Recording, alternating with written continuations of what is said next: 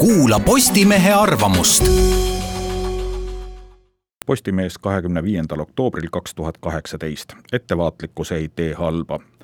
Postimees avaldab juba kuuendat korda edetabeli sajast Eesti suurimast ettevõttest, mille aluseks on nende äride eelmise aasta käive arvud nimede juures peegeldavad kahtlemata olukorda, saame mingil määral teada, kui hästi läheb praegu meie majandusel arve vaadates võib tõesti tõdeda, et Eesti majandusel läheb hästi. saja suurema ettevõtte koondkäive pole kunagi nii suur olnud, selgub Postimehe ülevaatest.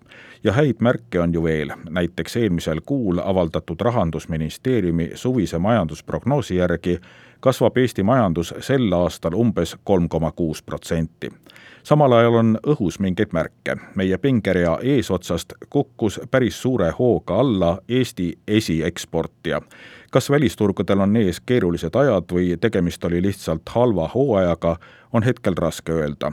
kuid omamoodi tagasihoidlikule jahenemisele viitab samuti asjaolu, et Rahandusministeerium prognoosis järgmise aasta majanduskasvuks tänavusest null koma kuue protsendi võrra väiksemat näitajat ehk kolm protsenti veel paneb siinkohal juurdlema Eesti Panga üleeilne teadaanne, nimelt on möödunud kuudel lisandunud varasemast vähem uusi eluasemelaene.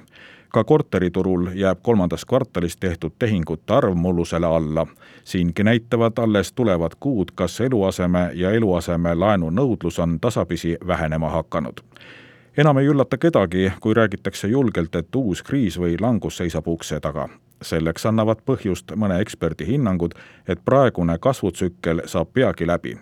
Kuu alguses maailmaturge ehmatanud suur börsilangus pani seda võimalust tõsiselt vaagima.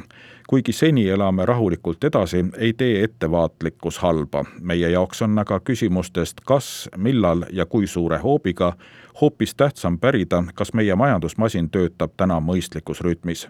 tundub, et oleme siiski kaarega mööda käinud steroididest mida enne kahe tuhande kaheksanda aasta suurt kriisi usinalt kasutasime.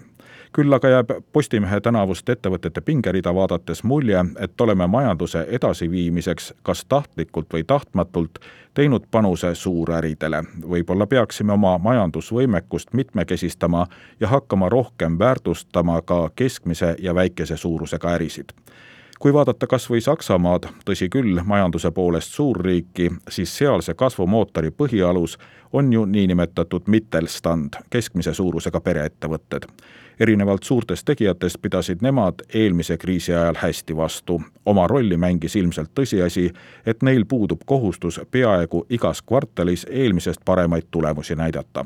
aga kui tõesti selle suuna võtame, siis peame praeguses maksusüsteemis üht-teist kindlasti korrigeerima. võimalus anda selge mandaat selliseks muudatuseks on juba tuleval kevadel